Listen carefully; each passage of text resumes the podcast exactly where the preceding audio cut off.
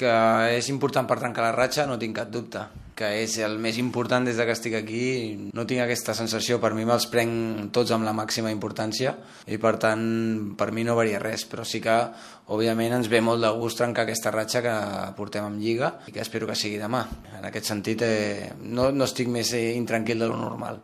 Crec que acabarem recuperant el nivell, no tinc cap dubte. El problema és que m'agradaria que fos ja, a curt plaç, pues una mica per, sobretot per trencar amb la ratxa de resultats i perquè el jugador no acabi de perdre la confiança, però nosaltres en aquest sentit tenim molt clar que la nostra idea de joc ha funcionat, que ha funcionat d'una forma molt bona i la nostra missió ara com a entrenadors és recuperar l'essència, com tu deies, i tornar a agafar el fil.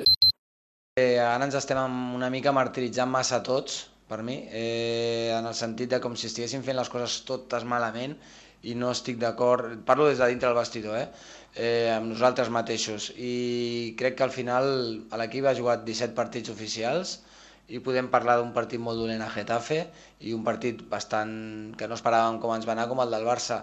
Sempre treballem a aspectes defensius. Òbviament ens, ens preocupa molt, sobretot que els equips ens corrin. Últimament ens estan corrent molt i això ho estem pagant però bueno, eh, no perquè el Barça en aquest cas ens hagi fet 4 eh, ens fa veure les coses excessivament diferents del que les veiem abans.